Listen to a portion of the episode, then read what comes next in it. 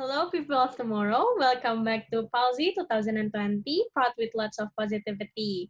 Nah, perkenalin lagi nih, aku Michelle Trisha, salah satu finalis dari Ambassador of Public Health AMS Indonesia 2020-2021. Nah, eh, di Palsy kali ini kita kedatangan tamu yang spesial banget. Ada Ibu Diah, Ketua dari Yayasan Peduli Cerebral Palsy yang ada di Surabaya. Nah, sebelumnya, Bu Dias terima kasih banget udah nyempetin waktunya buat kita ngobrol-ngobrol sedikit nih di, uh, lewat Zoom ini. Nanti aku bakal upload ke IGTV juga dan ditunggu buat ke audio filenya itu di Spotify. Nah, uh, sebelumnya nih Bu Diah, aku mau ada pertanyaan nih. Ibu Diah kan selaku orang tua yang punya anak yang uh, punya memiliki kondisi cerebral palsy gimana sih ceritanya atau ibu boleh nggak sih cerita sedikit tentang anak ibu dia gitu? Halo, assalamualaikum semuanya. Uh, selamat siang. Uh, bisa dengar ya Mbak ya? Bisa. Ya, ya mungkin uh, saya sedikit sharing aja ya bagaimana sih punya anak dengan kondisi cerebral palsy gitu kan alhamdulillah sekarang kondisi uh, usia anak saya sudah hampir 15 tahun. Uh, diagnosa cerebral palsy, spastik, quadriplegi, mikrosepali. Uh, dan uh, dengan kondisi anak saya ini, uh, kita pertama kali dengar gitu kan ya, itu tahu kalau uh, diagnosa ditegakkannya diagnosa cerebral palsy itu sendiri pada usia mau tiga tahun. Nah, itu ada salah satu dokter di Surabaya yang menegakkan diagnosis cerebral palsy. Awal-awalnya hanya beberapa uh, dokter itu mengatakan bahwa anak ini mengalami global delay, gitu kan, keterlambatan dalam perkembangan. Cuman belum belum ada yang uh, penegakan pastinya gitu kan. Nah, pada waktu itu ada salah satu dokter itu yang menegakkan bahwa ini anak ibu, anak bapak, ini tipe uh, cerebral palsy. Gitu kan. Dan waktu itu kita nggak tahu apa sih cerebral palsy gitu kan. Itu sekitar tahun 2008-2009 lah gitu. Kita memang benar-benar awam apa sih yang dimaksud dengan cerebral palsy.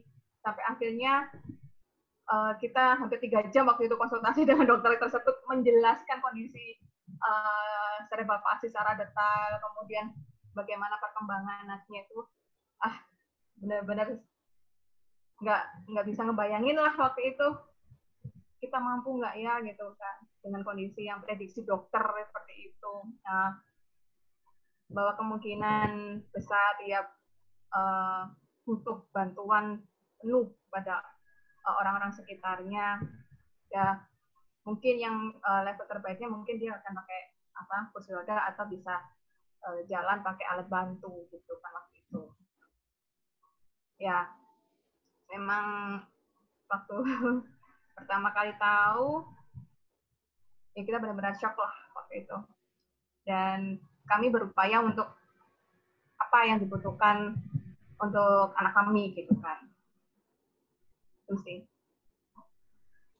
Iya, pasti uh, lumayan kaget kali ya Bu ya, karena mungkin memang nggak banyak orang tahu tentang penyakit cerebral palsy. Padahal cerebral palsy sendiri pun penyakit yang lumayan sering diderita oleh anak-anak ya, padahal mungkin tapi uh, masyarakat kurang tahu atau kurang familiar gitu dengan kata-kata cerebral palsy. Dan aku kagum banget sih, Ibu bisa sampai 15 tahun merawat anak ibu dan pastinya aku yakin pasti dirawatnya dengan sangat baik. Nah, uh, Ibu Dia, kalau aku boleh tanya lagi nih pertanyaan kedua, kira-kira efek terbesar apa sih yang ketika Ibu Dia itu harus tahu, harus merawat anak Ibu Dia yang uh, mengidap atau uh, mengalami kondisi cerebral palsy kayak efek apa yang terjadi dalam hidup Ibu Dia kayak apakah Ibu Dia langsung bangkit ataukah emang ada yang mungkin ngomongin ibu dia ataupun uh, kayak apa sih kondisi atau efek yang ibu dia alami gitu setelah mendengar uh, kabar itu gitu? Awal-awal kita dengar uh, pada tahun-tahun itu sih sebenarnya uh, belum banyak orang paham ya apa cerebral palsy gitu kan. Terus ini penyakit apa sih gitu kan?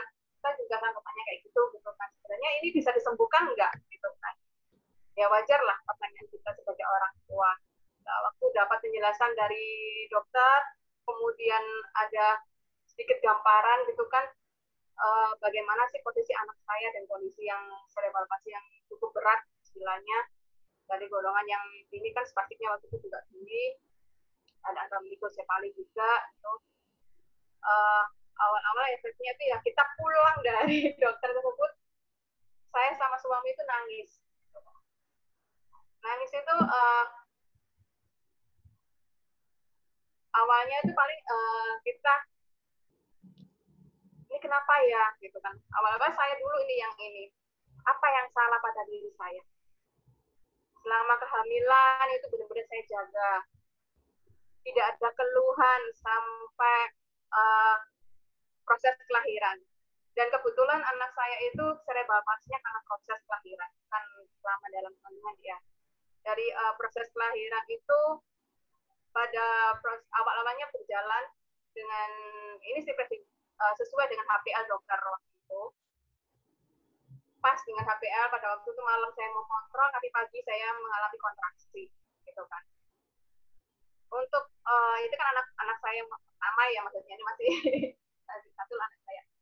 Uh, untuk ukuran apa kelahiran yang pertama itu dibilang saya cepat gitu kan mengalami kontraksinya gitu kan. Dari begitu masuk rumah sakit saya sudah bukan tiga dua jam itu udah bukan lima ya kan.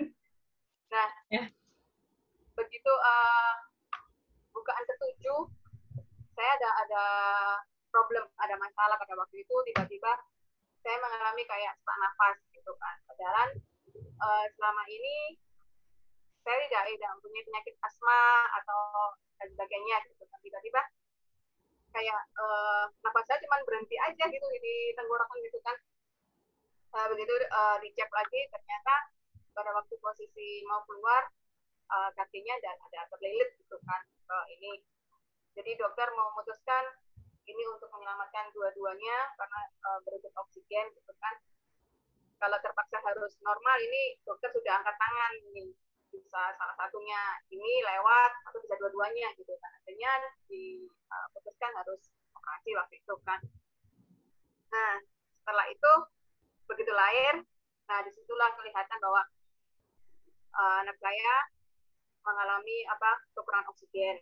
Jadi begitu lahir tidak bisa nangis nah karena proses itu akhirnya jadi kayak gini gitu kan. Ya awalnya sih uh, kita shock ya waktu itu uh, kenapa harus kita gitu kan. Karena kita itu menjaga benar-benar dari asupan gizi pemeriksaan dan sebagainya kenapa harus kayak gini gitu kan. Uh, kita curiganya itu pada waktu usia 8 bulan dia belum bisa apa-apa gitu kan. Terus akhirnya kita mau apa antarkan dia kontrol ke dokter kemudian ada ini sampai akhirnya yaitu tadi didiagnosa uh, cerebral palsy di usia ini gitu kan. Nah, itu peran uh, dari suami sih waktu itu menguatkan banget dari suami. Ayo, kita harus berjuang gitu kan. Kita harus berjuang untuk anak kita. Kalau bukan kita yang ini, siapa lagi yang bantu dia? Sekarang uh, kita apa bagi tugas gitu kan. Uh, suami berusaha untuk mencukupi kebutuhan anak yang jujur nggak nggak gampang dan nggak murah gitu kan. Butuh biaya yang super super inilah kebutuhan anak saya itu. Jadi uh, waktu itu saya hanya dikasih tugas sama suami saya untuk udah kamu konsentrasi uh, apa yang dibutuhkan anak-anak kita ini gitu kan. Jadi kita uh, saya uh, seperti kayak manajer dia gitu kan. Ini cari dokter yang apa nih untuk tumbuh kembangnya. Kemudian uh, fisioterapi, okupasi terapi, kan uh, dengan kondisi seperti itu kita nggak bisa melibatkan satu profesi aja gitu kan. Uh, jadinya ya kita benar-benar harus bangkit dulu lah sebagai orang tua. Kita harus positive thinking saling uh, mendukung itu kan alhamdulillah suami saya mendukung. Dan kebetulan uh, kami hidup dengan orang tua gitu kan. Ada uh, kalau ini mertua saya gitu kan. Saya hidup di sini. Dan tidak mudah memberikan penjelasan kepada orang tua gitu kan. Nah, pasti mereka membandingkan dengan cucu-cucu yang lain. Ini kenapa? Aku belum bisa apa-apa? Gitu kan. Nah itu menjadi PR kita waktu itu. Kita harus bisa menjelaskan bahwa kondisi anak kita berbeda. Ya kita um, apa yang mempersiapkan diri lah. Maksud waktu itu antara berani dan nggak berani ngomong gitu kan. Tapi kita harus harus maju nih. Harus benar-benar harus mengenalkan kondisi anak kita. Jadi mereka tidak tidak bisa membanding-bandingkan anak kita dengan anak yang lain gitu kan. Karena memang kondisinya yang berbeda. Alhamdulillah keluarga support dan mas, uh, malah masih informasi udah dibawa ke sini dibawa ke sini ini katanya bagus ini jadi dari situ kita dapat berbagai informasi baik dari dukungan dari keluarga uh, suami ini kita memang uh, waktu itu kita support kita. gitu. Wah, aku dengarnya keren banget sih Bu, karena benar-benar suportif ya. Kita jarang banget sih sebenarnya kayak ketemu uh, orang yang kalau misalnya emang punya kekurangan tuh jarang banget disupport gitu. Biasanya kita malah dipandang, malah mereka dipandangnya sebelah mata, dikira kayak kena, kenapa kita berbeda yang tadi ibu bilang. Tapi kan emang kena, apa salahnya kalau berbeda? Karena kita semua pasti punya spesialnya kita masing-masing. Pasti kita punya hidup kita pasti ada tujuannya masing-masing. Uh, walaupun kita punya kekurangan itu sendiri kayak aku ikut senang banget uh, keluarga ibu dia benar-benar sangat sportif buat anaknya anak-anaknya buat anak ibu dia.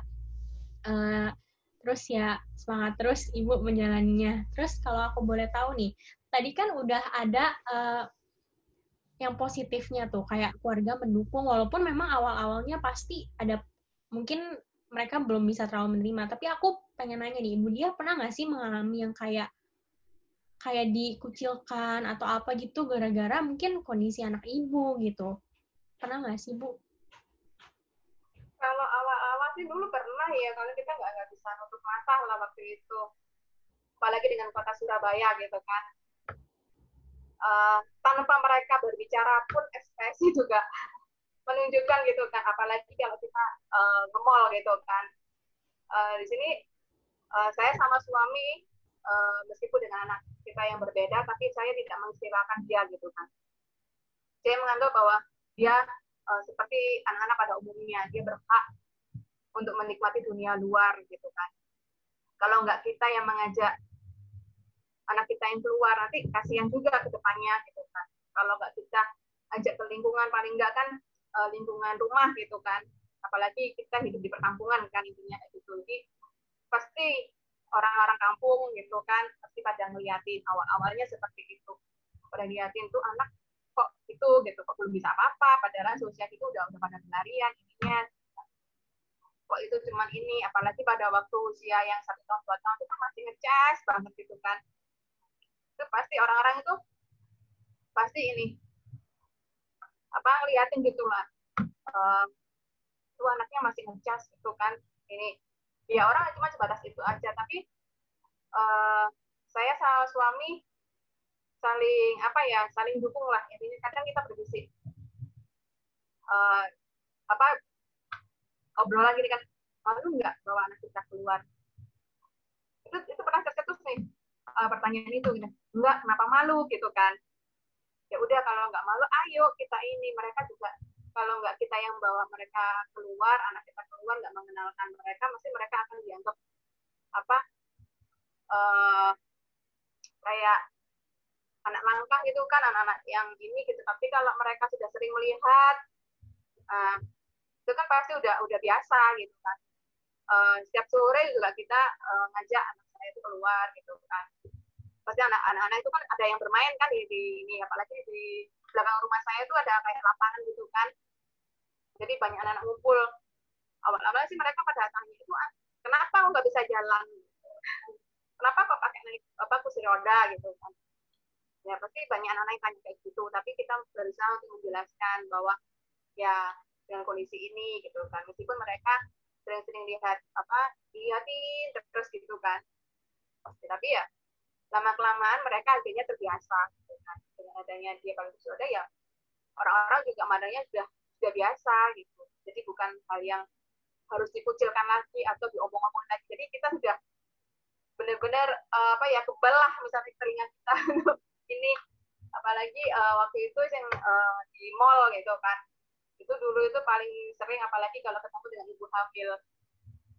Itu di depan kita usap-usapin perut tuh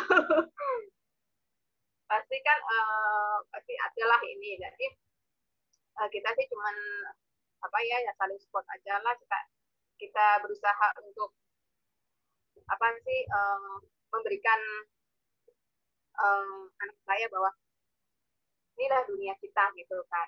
Meskipun kamu dianggap orang didatin orang tapi kalau nggak gini nantinya kan dia akan malu gitu kan. Jadi saya membiasakan anak saya untuk uh, di apa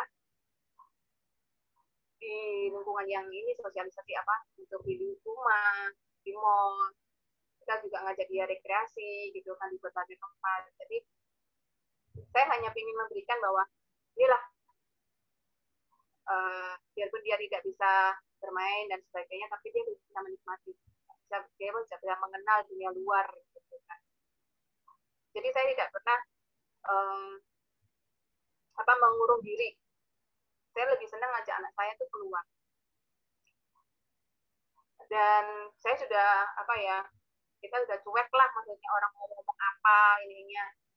Toh mereka uh, pasti hanya sekedar ini aja. Kenapa lama juga mereka akan paham lah makin tahu gitu. Alhamdulillah sih uh, makin ke sini tuh masyarakat makin tahu gitu kan. Dan jadi kita nggak ada ini lagi deh untuk di tempat-tempat pun sekarang udah mulai ramah untuk anak-anak dengan pakai kursi roda apalagi Surabaya alhamdulillah taman-tamannya juga sudah aksesnya juga mudah untuk kursi roda gitu kan jadi ya kita sih ini aja Wah, iya sih Bu, bener banget. Kayaknya semua orang itu awal-awal pasti kaget, tapi lama-lama terbiasa gitu ya. Jadi ya aku juga ngadain campaign ini tentang cerebral palsy tuh pengen orang-orang tuh kenal dulu nih apa sih penyakitnya, apa sih kayak gini. Jadi kalau misalnya kita sebagai orang yang luar udah tahu penyakitnya apa, pasti kita bisa lebih mengerti, bisa lebih memaklumi yang kayak tadi Ibu bilang kan. Kalau misalnya orang lama udah terpapar, udah tahu tuh pasti orang bisa lebih kayak ya udah gitu kasarnya nggak nggak memandang sebelah mata lagi dan bisa lebih menerima gitu kan aku setuju banget sih. Terus uh, keren banget ibu bisa bisa cuek gitulah kasarnya buat orang-orang yang dulu mungkin uh, memandang ibu dan anak ibu itu sebelah mata gitu. Terus ada yang keren lagi nih, kan ibu dia nih ketua Yayasan Pulih Cerebral Palsy nih. Apa sih yang mencetuskan gitu sampai ibu tuh buat yayasan ini gitu? Kayak gimana sih cerita awal yayasan ini terbentuk? Kayak keren banget gitu, ibu bisa jadi ketua yayasan gitu itu uh, ya itu berbalik lagi bagi uh, pengalaman kita lah ya. Di tahun uh, tahun-tahun 2008 sampai 2013an itu kan itu benar-benar kayak kita itu masa-masa yang masih apa ya masih meraba-raba gitu kan.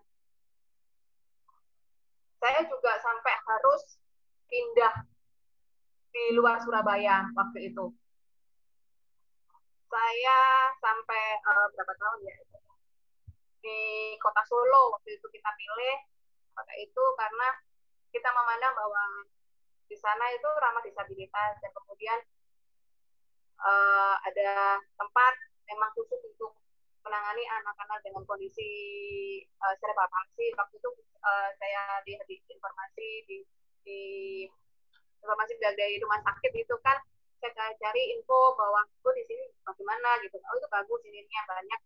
Banyak anak-anak yang dengan kondisi yang berat gitu kan. Seperti kondisi anak saya. Terus akhirnya awal-awal kita mau nyoba gitu kan. Mau nyoba tiga bulan. Dan di situ aduh luar biasa.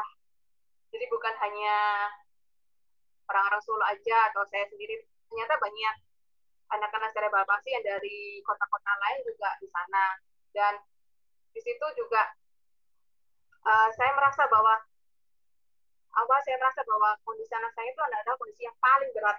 Cerebral palsy cerebral tapi di sana benar-benar uh, membuka mata saya apalagi suami saya bahwa di sana juga ditemukan anak dengan kondisi yang lebih parah dari kondisi anak kami gitu kan jadi di situ kami uh, apa ya saling berbagi itu lah waktu itu baik dari orang tua kemudian dari para terapis gurunya juga uh, uh, banyak memberikan informasi dan kita bersinergis. Uh, ya banyaklah perlu kesah. Ya namanya orang tua ya ininya. Karena uh, dengan kondisi cerebral palsy pasti penanganannya juga berbeda-beda gitu kan. Dan dari situ kita juga, uh, saya juga bergabung dengan komunitas waktu itu komunitas yang di kota itu.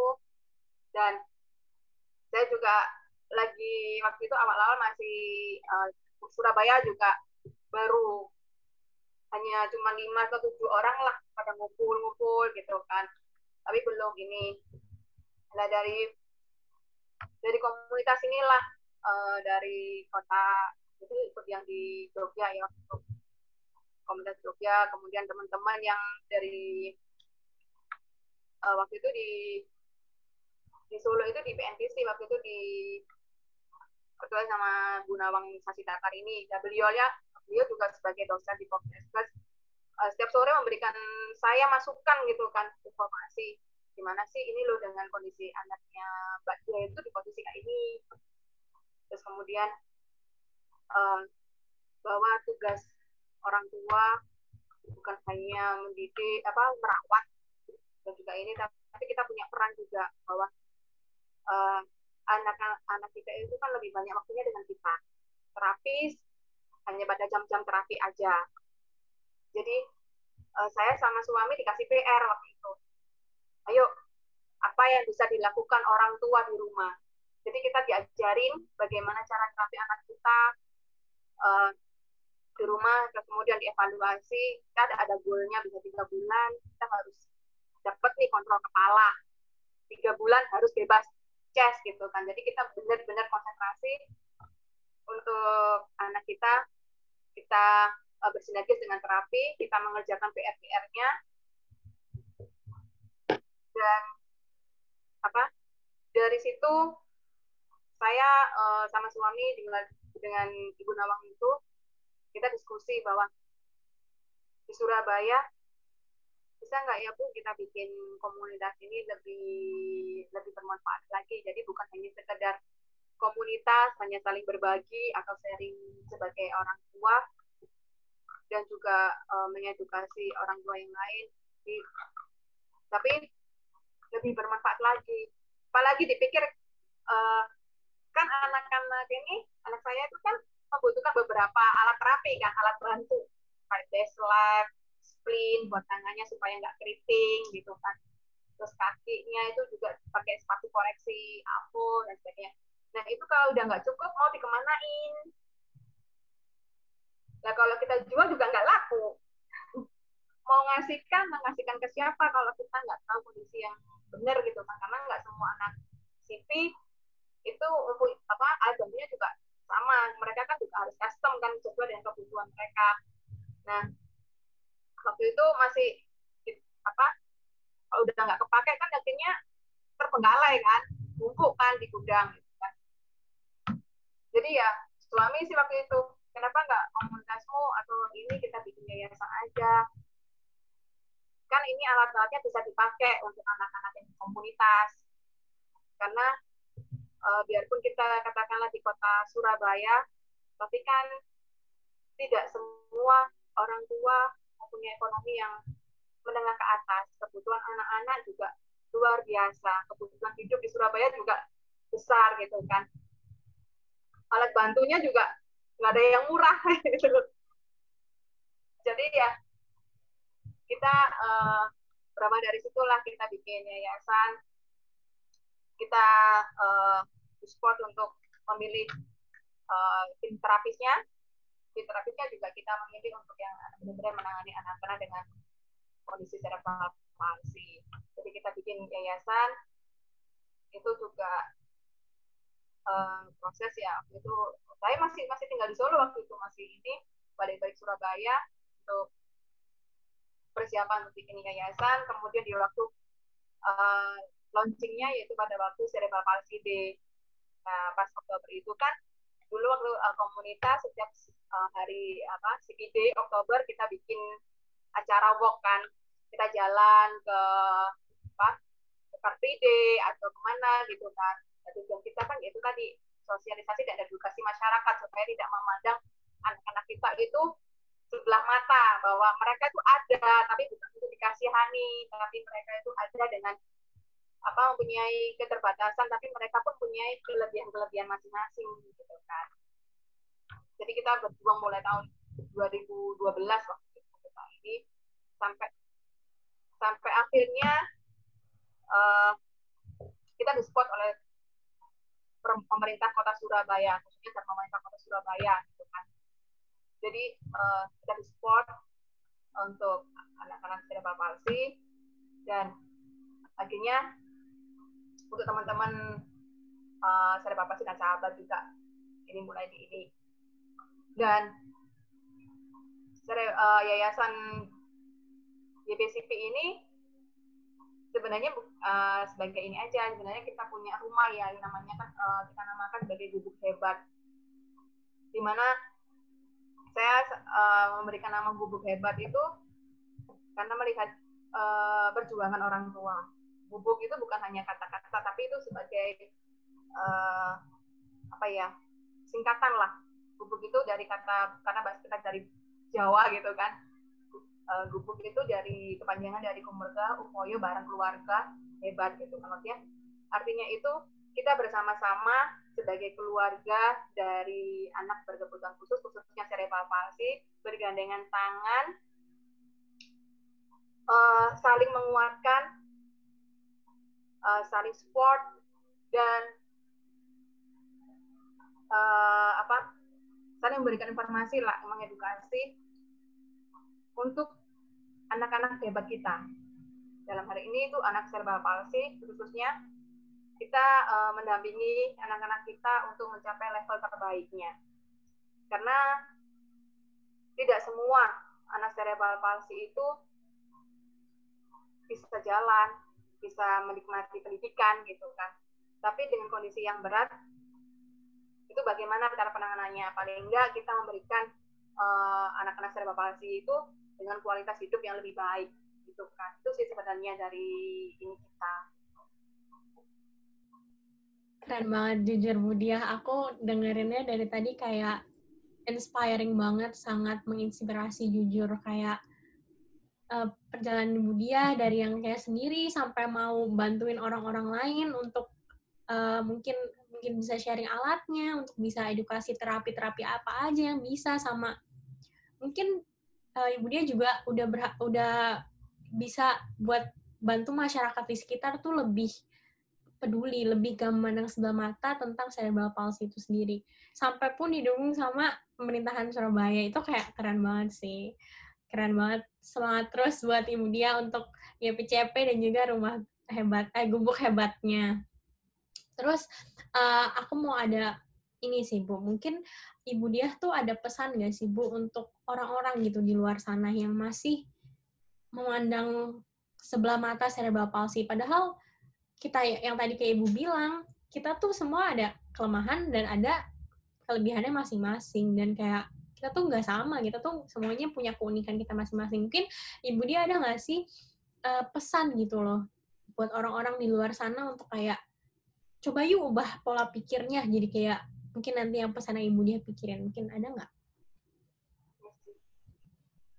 Yang untuk masyarakat yang di luar uh,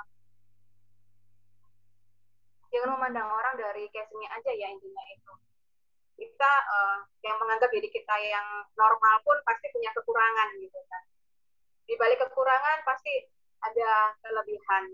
Tapi selama ini orang pasti melihat dari sisi kekurangan aja gitu kan tapi begitu banyak kelebihan di dalam diri kita masing-masing itu yang harusnya bisa di, kita tunjukkan gitu kan.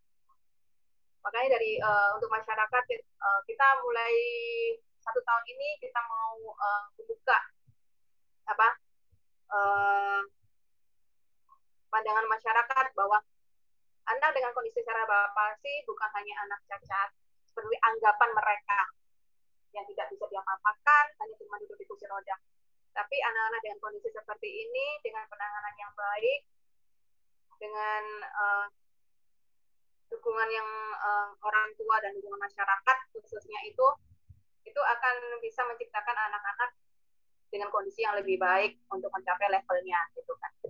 Jadi jangan pernah menganggap orang itu dari depan aja gitu kan dari sisi uh, fisiknya aja. Kita sudah membuktikan bahwa anak dengan cerebral palsy mampu berkarya. Di Surabaya sudah ada uh, Adelina ada beberapa yang sekarang sudah menempuh di jalur universitas cerebral palsy uh, dan di sini juga beberapa kampus di Surabaya juga sudah saya rasa di Indonesia juga sudah mulai ramah dengan disabilitas juga ada yang uh, memberikan kesempatan kepada anak-anak dengan kemampuan yang punya kognitif yang uh, ini bisa mencapai level terbaiknya. Jadi kita pada waktu acara-acara uh, di hari-hari spesial meet itu kan uh, ada kayak CPD, ada autis, ada hari ini kan disabilitas, yaitu biasanya kita akan uh, memberikan suatu apa event kepada anak-anak, apalagi di mall biasanya gitu kan kita menunjukkan nih anak-anak seperti ini pun bisa berkarya, mereka bisa ini gitu kan. Terus kita menampilkan anak-anak tersebut bukan sebagai apa uh, ini aja tapi ini loh anak-anak itu juga mampu seperti anak-anak. Kalau mereka diberikan kesempatan memberikan uh, ini mereka akan mampu gitu kan. Nah itulah uh, sekarang di masyarakat di Surabaya alhamdulillah sudah tidak tidak ini lagi tidak seperti dulu-dulu yang menganggap bahwa ini udah nggak bisa diapa-apain kita uh, dua tahun ini kita sudah membuktikan gitu kan bahwa anak-anak seperti ini pun bisa anak-anak mampu untuk ininya gitu. Aku setuju banget sih, Ibu Dia. Kita pun sebenarnya orang normal, kalau kita nggak dibantu orang lain untuk bisa nunjukin potensi terbaik kita pun, kita nggak bisa jadi yang terbaik gitu. Jadi kayak dukungan dari orang-orang, kayak kita tuh pasti bisa, pasti ada jalan untuk setiap masalah yang kita hadapi. Begitupun untuk penderita CP. Kalau mereka diterapi, mereka terus diajarin tentang lingkungan itu pasti mereka pasti bisa juga gitu dan mungkin bisa melebihi kita orang normal gitu kemampuannya jadi uh, itu sih sebenarnya pesan yang aku benar-benar ambil dari uh, wawancara singkat ini itu tuh kayak kita kalau untuk orang-orang CP tuh nggak boleh pandang sebelah mata karena setiap dari kita itu punya kekurangan dan kelebihan kita masing-masing. Kita itu sebagai manusia itu harus saling support lah, saling mendukung. Karena dukungan itu tuh kita nggak tahu bakal berimpact ke kitanya gimana gitu. Walaupun sekedar semangatin ataupun sekedar bilang kamu tuh spesial loh, kayak gitu aja tuh mungkin itu udah benar-benar menguatkan orang kan. Jadi yang aku mau iya. benar-benar mau aku eh tekenin tuh kayak ayolah kita jangan pernah merendahkan orang karena kita semua tuh punya spesialnya kita masing-masing. Mungkin uh, Ibu Dia buat penutup nih, boleh nggak kita ngomongin tagline campaignku sama-sama yang I am special and you are too gitu. I am special and you are too.